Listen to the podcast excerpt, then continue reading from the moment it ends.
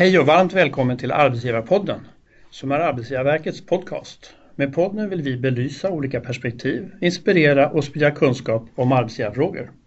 Arbetsgivarverket är arbetsgivarorganisationen för de statliga arbetsgivarna. Mitt namn är Robert Kvarek och med mig idag har jag två gäster som deltar på distans. Marie Westerlund som är HR-chef på Specialpedagogiska skolmyndigheten. Hej Marie! Hej! Och Annie Lundberg som är HR-chef på Vinnova. Hej Annie! Hej!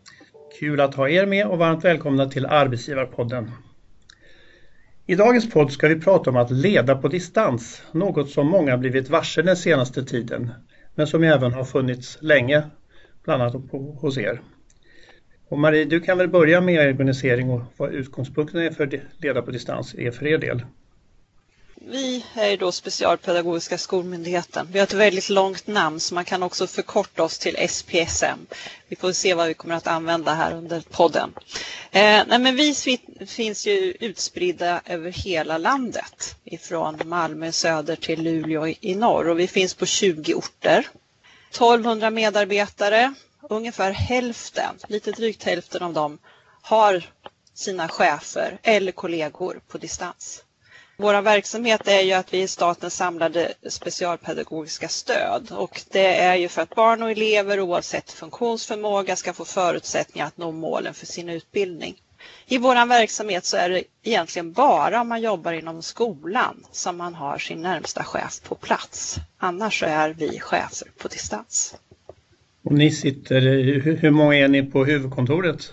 Det, det finns i Härnösand vi är lite drygt 50 personer tror jag sitter där. Annars har vi också verksamhet i Örebro och Stockholm som är förknippat till huvudkontor. Eh, plus att vi sitter ja, utspridda på de andra orterna. Jag själv som HR-chef har mina medarbetare på fyra olika orter till exempel. Mm. Annie, hur, hur, har ni organiserat er på Vinnova? Vad, vad har du för distansbild så att säga vad gäller ledning? På Vinnova då, som är en förkortning för Sveriges innovationsmyndighet, eh, så har vi eh, vårt uppdrag då att stärka Sveriges innovationsförmåga och bidra till hållbar tillväxt eh, och en innovativ kraft i en hållbar värld. Så har vi organiserat oss i aktivitetsbaserade kontor. Det här brukar vi få höra är väldigt så att säga anpassat efter vår verksamhet. Vi är dryga 200 anställda varav ungefär 25 chefer. Eh, vi har eh, några få utlandsstationerade, då, cirka fyra stycken. Men framförallt så är det väl kanske vår verksamhet som har erfarenhet av att samla på distans och verksamhetsutövandet. I övrigt så har vi likheter med distansarbete genom aktivitetsbaserade kontor. Men vi är samlade på ett annat sätt än Maries myndighet. Mm. Marie, hur länge då SPSM jobbat med det här med att leda på distans? Har det alltid varit en del av myndighetens verksamhet? Ja, men vi bildades 2008 eh, utav flera ingående myndigheter och sedan dess har vi jobbat på distans. I den del som jag tillhörde eh, sedan tidigare så jobbar jag med videokonferens till exempel sedan 2006. Det har vi tidigt jobbat med och sen gick vi över till det som heter Lynk och Skype någon gång ja, 2010-2012. Så vi har verkligen länge jobbat med verktygen men också varit liksom chefer på distans. Mm. Eh, sen gjorde vi en stor organisationsförändring för lite drygt ett år sedan som medförde att ännu fler fick sina chefer på distans. Och vi gick ifrån en regional organisering till en nationell organisering fast vi fortfarande finns utspridda då på de här drygt 20 orterna. Så det har medfört att ännu fler då har fått sin chef på distans. Intressant, det får du berätta om mer strax. Annie på Vinnova, hur, har ni, hur länge har ni jobbat med den modell ni har nu med, med viss ledning på distans? Egentligen skarpt läge faktiskt i och med eh, coronasituationen eh, där samtliga medarbetare då fick gå hem, eh, liksom många verksamheter, och jobba hemifrån. Sen aktivitetsbaserat har vi jobbat eh, längre tid, i flera år. Eh, och vi har haft utlandsstationerade också under den här tiden, flera år. Har det skett några förändringar med det här arbetet, det reguljära arbetet, att leda på distans med anledning av, av coronapandemin eller har det blivit annorlunda eller tycker ni att ni kan har kunnat rulla på med ett, ett sätt att jobba på distans även under den här tiden eller har det förändrats? Har något blivit annorlunda? Vi har ju en lång erfarenhet som ni förstår av att jobba på det här sättet men det blir ju ändå lite andra förutsättningar när helt plötsligt de här drygt 600 personerna i princip jobbar hemifrån allihopa. Även om vi har en stor vana liksom med verktygen och så, så har vi också fått tagit andra kliv i samband med det här sättet att arbeta. Men som sagt i grunden har det känts tryggt för vi är vana. Vad säger du Annie? På Vinnova? Ja, jo men det har väl kanske blivit lite tydligare. Ehm, det är ju en dimension av att också det är distans under en kris kan man väl säga. Ehm, och, eh, så det har påverkat oss och framförallt så har vi, vi, hade, vi är vana att ställa om och vi har bra teknik i grunden ehm, det som man kan se är ju att det har blivit en enorm kompetenshöjning bara genom att faktiskt använda tekniken skarpt hemifrån. Så det ser vi en stor skillnad. Vi har ju också utvecklat arbetssätten i och med att vi använder liksom distansverktygen även liksom i vår kärnverksamhet. Ja, men till exempel i vår rådgivning så när det finns möjlighet att genomföra den så har vi gjort den eh, också via digitala verktyg.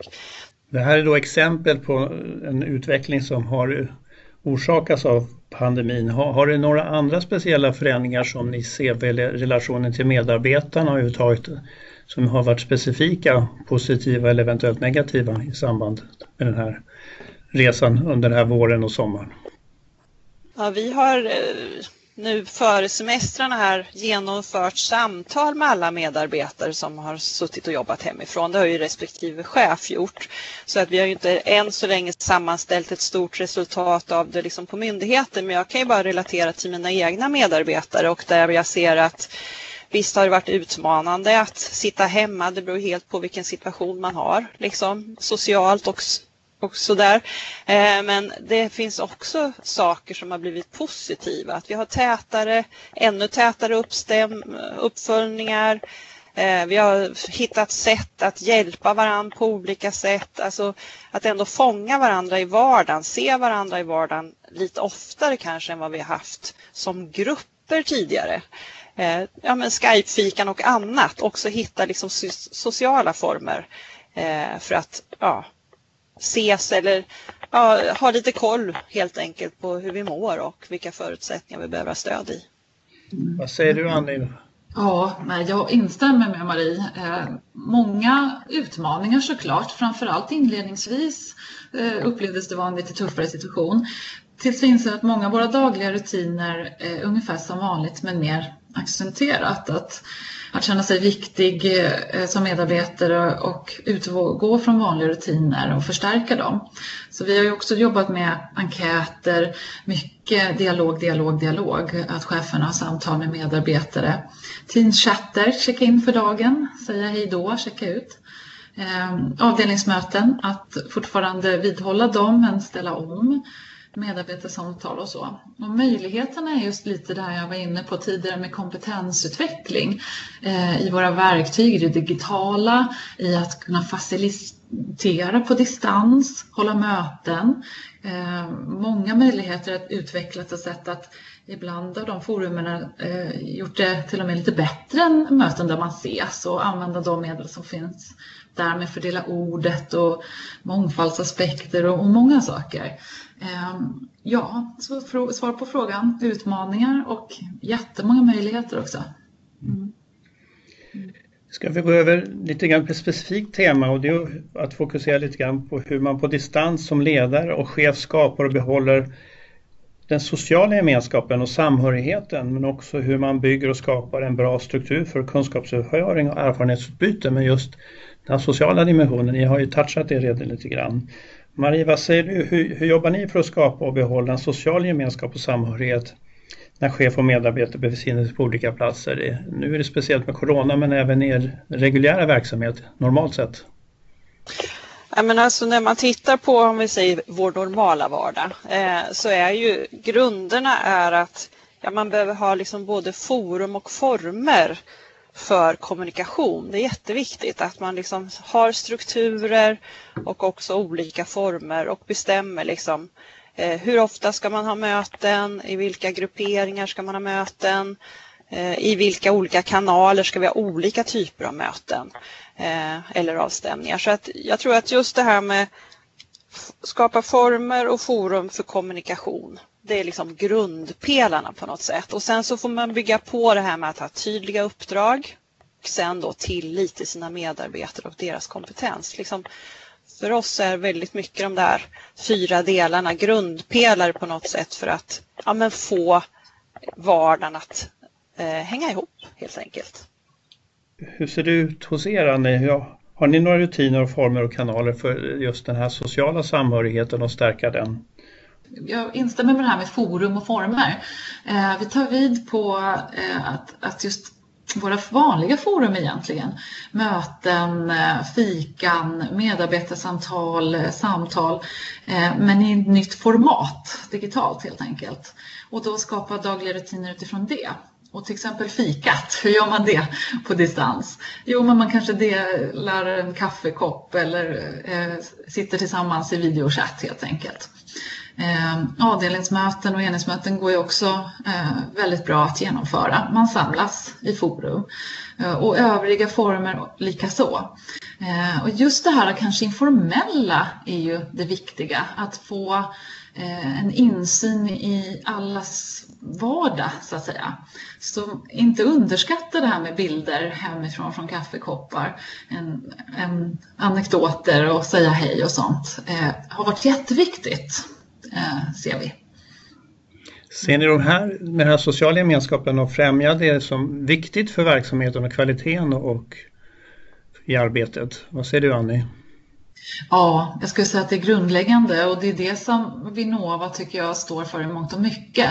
Det aktivitetsbaserade gör ju också att möten eh, är väldigt väsentligt och eh, det är ändamålsenligt med lokalerna. Så att fortsätta med det eh, bäddar för att en viss trivsel, mer informella avstämningar underlättar, egna initiativ till så att säga tvärmöten skulle jag säga gynnar verkligen verksamheten och kreativiteten och mm. våra förutsättningar. Vad säger du Marie? Hur gör ni på?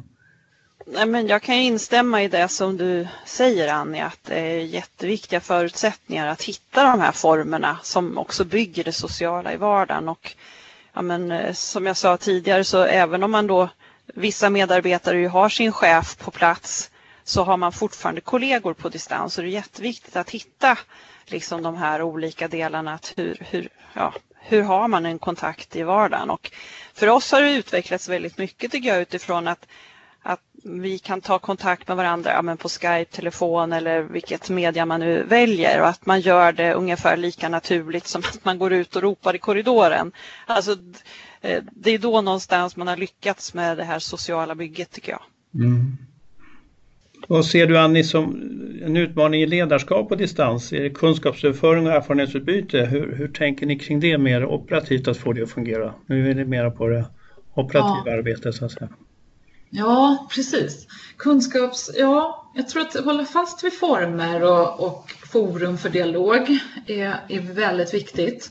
Sen som om man tittar på erfarenhetsutbyte och kunskapsöverföring så kan det ju vara lätt att titta på det lätta, så att säga, seminarier och utbildningar. Det kanske är lätt att ställa om.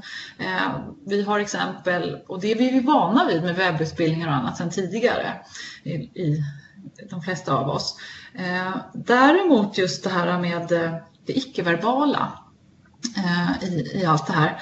Eh, det går jättebra att rigga forum och det går jättebra att, att att mötas och ställa om utbildningar, eh, fortsätta ha dialoger. Men samtidigt finns det en utmaning då också att eftersom på chefer att hinna ha tid också, stämma av, följa upp och fånga upp alla så blir det ju en större arbetsbelastning att man är upptagen i, i möten.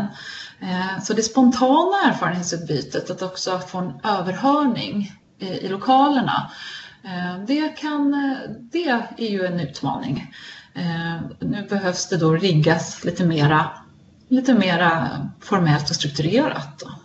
Har man en bra grundstruktur och ett, ett ledarskap och ett medarbetarskap att luta sig mot finns det ju en stor anpassningsförmåga oavsett forum. Och det kan man ju se att, att förmågan att ställa om. Att har man grunderna i tillitsbaserat eh, dialoger, förmåga att kunna anpassa sig till situation och person och omdöme så ser vi att den här erfarenhetsutbyte och överföringen kan fungera väldigt bra som sagt och förstå vilka konstellationer och, och vilket sammanhang man ska mötas i. Annie, vad säger du? Hur kan HR stötta cheferna i detta? Vilket stöd erbjuder ni på HR, era ledare, för att få till stånd det här med, med eh, att leda på distans och, det, och de här kunskapsöverföring och sociala kontakterna och så vidare. Hur, hur, vilket stöd kan ni ge? Ja, på HR har vi ju eh, också precis som alla ställt om eh, och tittar på vad behöver vi anpassa. I mångt och mycket tycker jag grunderna för eh, HR-arbetet är att stötta cheferna, eh, identifiera eh, utmaningar, arbetsmiljöarbetet, att utvärdera. Eh, det går alldeles utmärkt även på distans.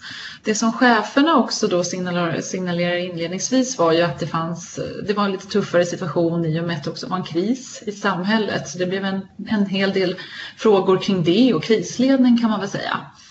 Eh, I övrigt så handlar det om att identifiera också kompetensförsörjningsbehov.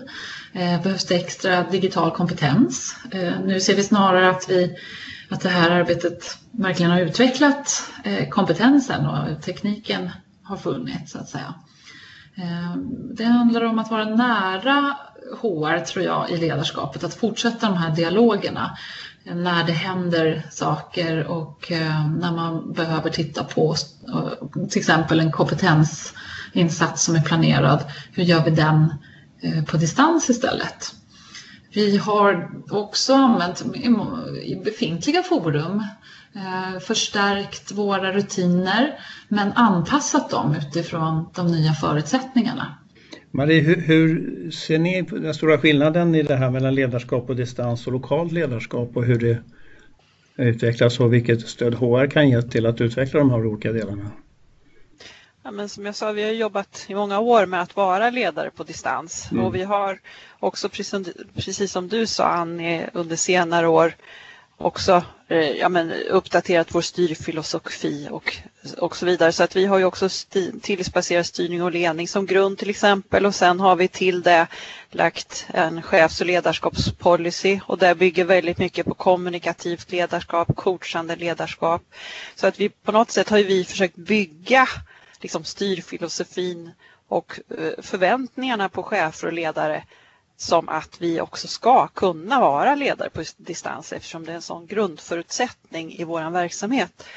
Sen har vi också ett chefs och ledarskapsprogram sedan ett par år tillbaka och där ju det här är en del. Eh, som jag beskrev så gjorde vi en stor organisationsförändring för drygt ett år sedan som ju ändå medförde att det var ganska många chefer som förut hade varit mer regionalt baserade som nu varit liksom nationellt baserade och som ju inte hade haft den här förutsättningen lika Eh, i lika hög grad. Så att vi har ju också under 2019 aktualiserat de här frågorna igen. Så att vi har ja, gått igenom olika delar som vi tycker är bra förutsättningar, precis det här som vi har pratat om nu. Då. Um, en annan del som vi på HR har jobbat rätt mycket med är att vi har ett årshjul för samtal för chefer som också är en sån här struktur, en ingång liksom, där vi pratar ja, men börja med medarbetarsamtalet där man självklart pratar utifrån mål eh, inför det kommande året. Vi har minst två uppföljande dialoger och sen så avslutas årshjulet med en lönesättning då för de flesta i vår verksamhet lönesättande samtal. Men det där är också en sån där HR-fråga som vi liksom har hjälpt till att bygga i alltså strukturen för att det ska finnas en bra liksom, grundstruktur. Sen har ju alla chefer byggt på sina egna då, former och forum på det där. Men jag, det där är ändå sånt som vi från HR har hjälpt till att stötta i verksamheten. Vad säger du Annie, finns det sammanhang och tillfällen där man faktiskt behöver ses fysiskt? Har, har ni någon sorts clockwise att ni verkligen har de här fysiska mötena regelbundet då och då? Ja, det där kan man fundera. Vi har ju goda förutsättningar att kunna jobba på distans till skillnad från vissa verksamheter som måste vara på plats. Eh, jag ser, och det är väl frågorna också kring när man börjar planera för då återgång till det nya som komma skall, eh, att det finns behov att ses. Framförallt i det här kreativa tänkandet, att samlas som grupp och komma vidare.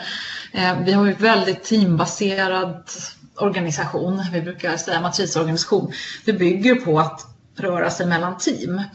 Eh, det jag har hört uttryck som vi, vi, skulle vilja samlas och ha papper och penna så att säga. En whiteboard och kreativt kunna föra fram saker där. Och jag tror att det kanske sätts på sin spets i den här blandsituationen vi kanske möter. Att vi kommer kombinera digitalt sen framöver med att ses i grupp. Hur gör man då för att involvera alla och, och så? Eh, men det är klart att det icke-verbala spelar roll och därför kan det vara viktigt. Och konkreta situationer Ehm, är ju i vissa sammansättningar. Det kan också vara faktiskt så att i, HR-jobbet och så att svåra samtal lämpar sig bättre att ses eh, emellanåt och följa upp vissa arbetsmiljöaspekter. Mm. Mm. Vad säger du Marie, har ni något system där ni träffas typ regionalt eller nationellt eller har ni något stort årsmöte? Ja, var tredje år träffas hela myndigheten på något som vi kallar för SPSM-dagar och det är jättetrevligt. Mm. Men det, det, är den gången var tredje år ungefär som vi ses allihopa. Men alltså var, varje verksamhet, enhet har ju sin egen struktur. Men jag håller med dig Annie där om att ja, men, eh, vi har ju i grunden haft en struktur där vi liksom träffas kanske fysiskt som vi då kallar, kallar det för. Det blir så här internlingo, att man har fysiska träffar och träffar digitalt. Ja. Men då ses vi kanske som på min enhet ett par gånger om året och då pratar man ju just igenom ja, men vissa frågor, liksom skapar plattform, genomför workshops, precis som du också beskriver Annie. Alltså man behöver också ses för att ibland ja, men stämma av, känna att man liksom faktiskt eh, rent i rummet också förstår varandra jag tycker kanske att vi har blivit bättre och bättre på det och särskilt nu under den här våren igen. Liksom att det har blivit så mycket mer intensivt, alla medarbetare nästan sitter hemifrån. Eh, men som sagt jag, jag tror ändå att framtiden också har ett behov av att vi träffas fysiskt. Kanske inte lika ofta dock. Det kanske kommer att bli mer eh, utarbetat liksom, i vilka sammanhang vi tycker att det är värt att träffas. Så. Det kommer att bli värd, ett värde i att träffas på ett annat sätt kanske mm. än vad vi har haft det nu. Mm. Till er båda, vilka positiva effekter ser ni av det här med ledarskap i distans? Finns det något generellt som ni tycker är relevant att lyfta fram? Det har positiva effekter ja, men utifrån att kunna vara en attraktiv arbetsgivare. Eh, att ja, men man behöver inte kanske flytta någon annanstans för att kunna jobba på våran myndighet till exempel. Vi jobbar ju som ni förstår med mycket pedagogisk erfarenhet och bakgrund, specialpedagoger, lärare, det känner ni alla till att det är en brist, bristvara. Alltså det, det finns en attraktivitet i det där som jag tror kan vara viktigt eh, och en bra förutsättning för vår verksamhet i alla fall. Annie, vad, vad, ser du? Vad ser du några fördelar med, med det här att leda på distans? Jag ser många eh, ur vårat myndighetsutövande också med hållbar värld, höll jag på att säga. Eh, att realisera ambitionen ur miljösynpunkt, att resa mindre. Hitta nya likvärdiga sätt att mötas på istället. Framförallt, det har jag sagt tidigare, kompetensutvecklingen i att jobba på det här sättet och också då bli mycket mer tillgängliga eh, och kunna eh, ställa om. Det blir effektivt på ett annat sätt att fler kan delta på distans i både verksamhetsutövandet mot våra Eh, intressenter eh, och internt också för den delen. Eh, så jag ser, jag ser otroligt lärande i det här, det här sättet. Både för myndigheten, i vårt verksamhetsutövande, internt och för mig själv som individ och övriga medarbetare. Mm. Ja, men jag tänker också som du sa Annie, alltså det är inte bara ledarskapet utan också själva utövandet i verksamheten känns också att det är väldigt, alltså ger bra förutsättningar och det har vi också känt av särskilt under den här våren att vi verkligen har gjort förflyttningar till exempel i hur vi möter andra skolhuvudmän och så. Vi har haft väldigt mycket mer alltså, eh, personliga möten. Eh, man har gärna åkt, alltså utifrån som du också sa Ann, miljöperspektiv och annat. Så det, jag tror verkligen att vi också har fått en eh, positiv utveckling och en förflyttning som vi kommer att ha med oss i det framöver. Och i det så ligger det också alltså utifrån vår organisation att på olika sätt vara ledare på distans. Så att vi behöver också jobba vidare med det och hitta bra formerna för det även fortsättningsvis. Nu tänkte jag att vi skulle övergå till mer att ni skulle få ge några konkreta tips och råd till, till våra kära lyssnare. Marie, vilken är enligt dig den bästa formen för att skapa och behålla en social gemenskap när man inte befinner sig på samma plats? Finns det någon fysisk form som du tycker passar bra för det här distanskommunikationen så att säga?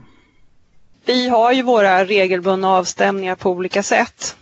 Eh, till exempel kan man säga APT har ju jag på videokonferens har haft sedan jag blev chef 2014. Mm. Eh, det vi har utvecklat nu på slutet som jag tror att vi kommer att ta med oss mycket mer det är att vi för att få en bra dialog i APT också behöver dela in oss mycket mer i grupper. Det har vi börjat göra den här våren och det är verkligen positivt. Det kommer vi att fortsätta med.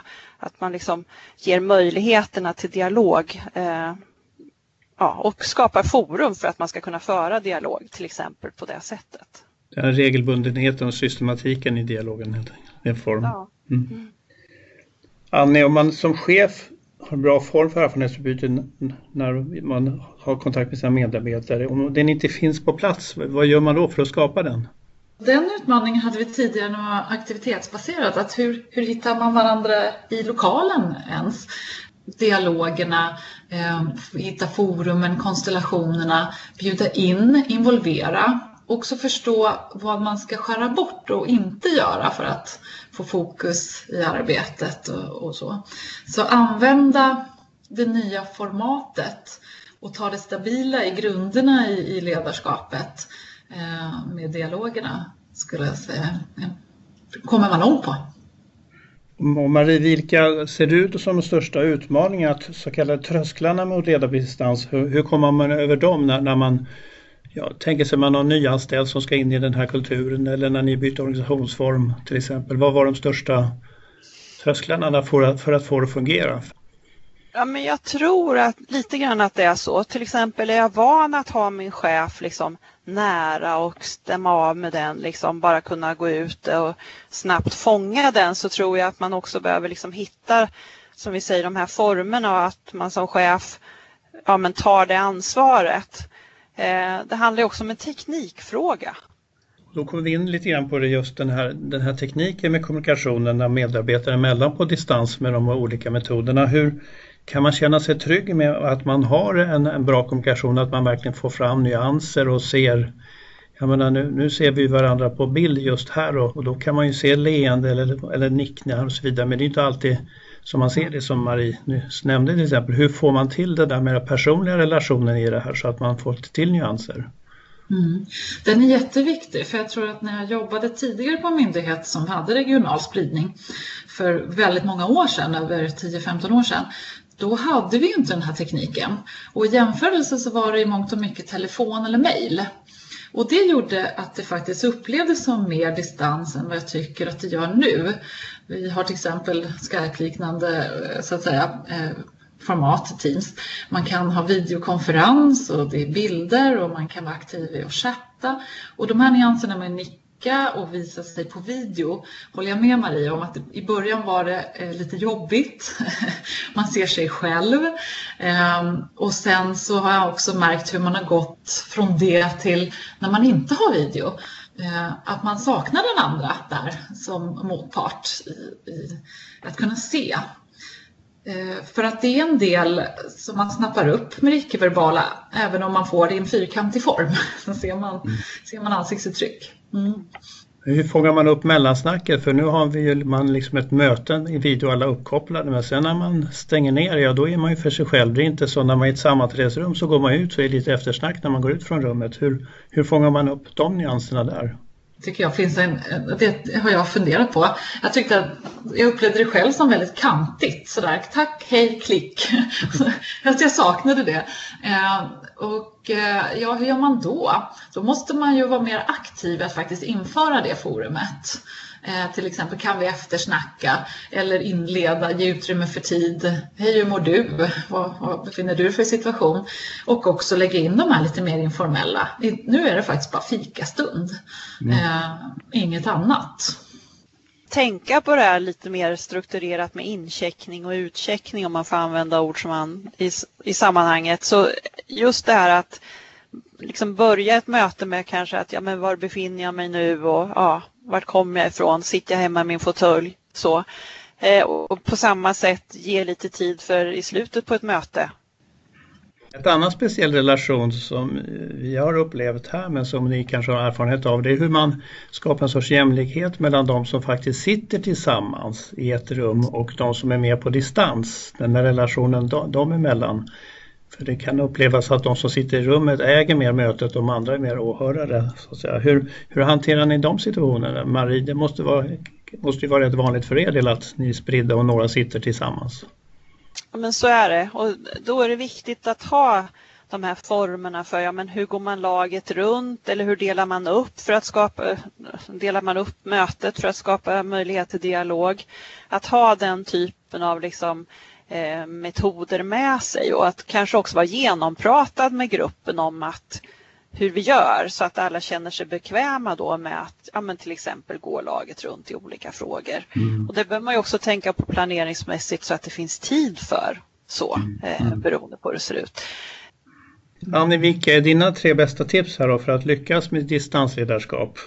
Närvaro, involvering, delaktighet, dialog eh, Ehm, skulle jag vilja fram, framhärda. Tack, det börjar bli dags att avrunda.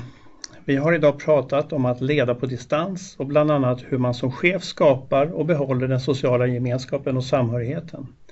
Stort tack till er båda för att ni ville vara med i podden idag och dela med er av er kunskap, tankar och erfarenheter. Men innan jag släpper iväg er båda skulle jag vilja ställa en sista fråga till er båda. Nämligen en sak du vill att vi tar med oss. Det kan vara något du redan sagt och vill förstärka ytterligare eller något helt nytt. Vad säger du Annie? Vad vill du att vi som lyssnar ska ta med oss? Min största erfarenhet genom den här förutsättningarna och krisen är kris och utveckling och att vi kan ställa om istället för in. Det var bra, ställa om istället för in, det var bra. Och vad säger du Marie, vad vill du att vi tar med oss? För mig är det här med struktur och former Alltså utifrån erfarenhet att leda på distans så är det grundpelarna för att man ska kunna jobba på bra och skapa bra förtroende för medarbetare och ja, men det arbete som vi förväntas utföra. Tack för svaren och tack också till dig som lyssnat. Om du har några frågor eller förslag på ämnen som du vill att vi ska prata om i podden, hör gärna av dig till oss på webb